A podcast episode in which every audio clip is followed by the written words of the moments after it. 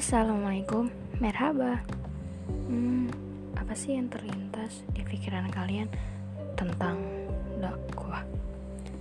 Serem, takut, aneh, sok suci, atau pemaksaan? Berbagai definisi-definisi sederhana muncul di pikiran sadar kita yang dikirim oleh pikiran bawah sadar kita. Kalau maklumat atau informasi yang kita tangkap tentang dakwah itu negatif, maka saat kita melihat fakta realitanya, auto negatif yang dihasilkan.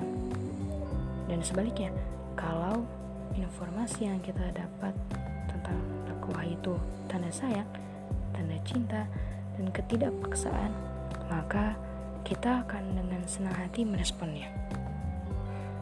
Maaf sebelumnya jika ada kekurangan dalam dakwah ini, karena sejatinya bukan Islamnya yang keliru, atau suruhan dakwahnya yang bermasalah.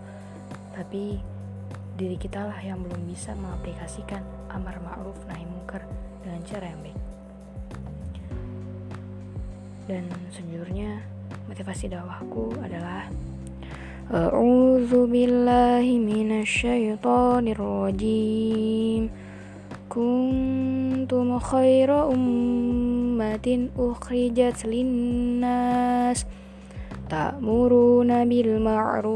wa tanhauna 'anil munkar wa tu'minuna billah.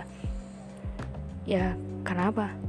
Di surat Ali Imran ayat 110 Allah jelasin kalian adalah sebaik-baik umat yang dilahirkan untuk manusia. Untuk apa sih? Amar ma'ruf nahi mungkar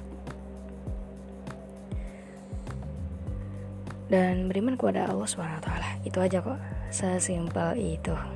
Oke okay, ini adalah podcast pertama aku. Oke. Okay. uh, jazikillah khair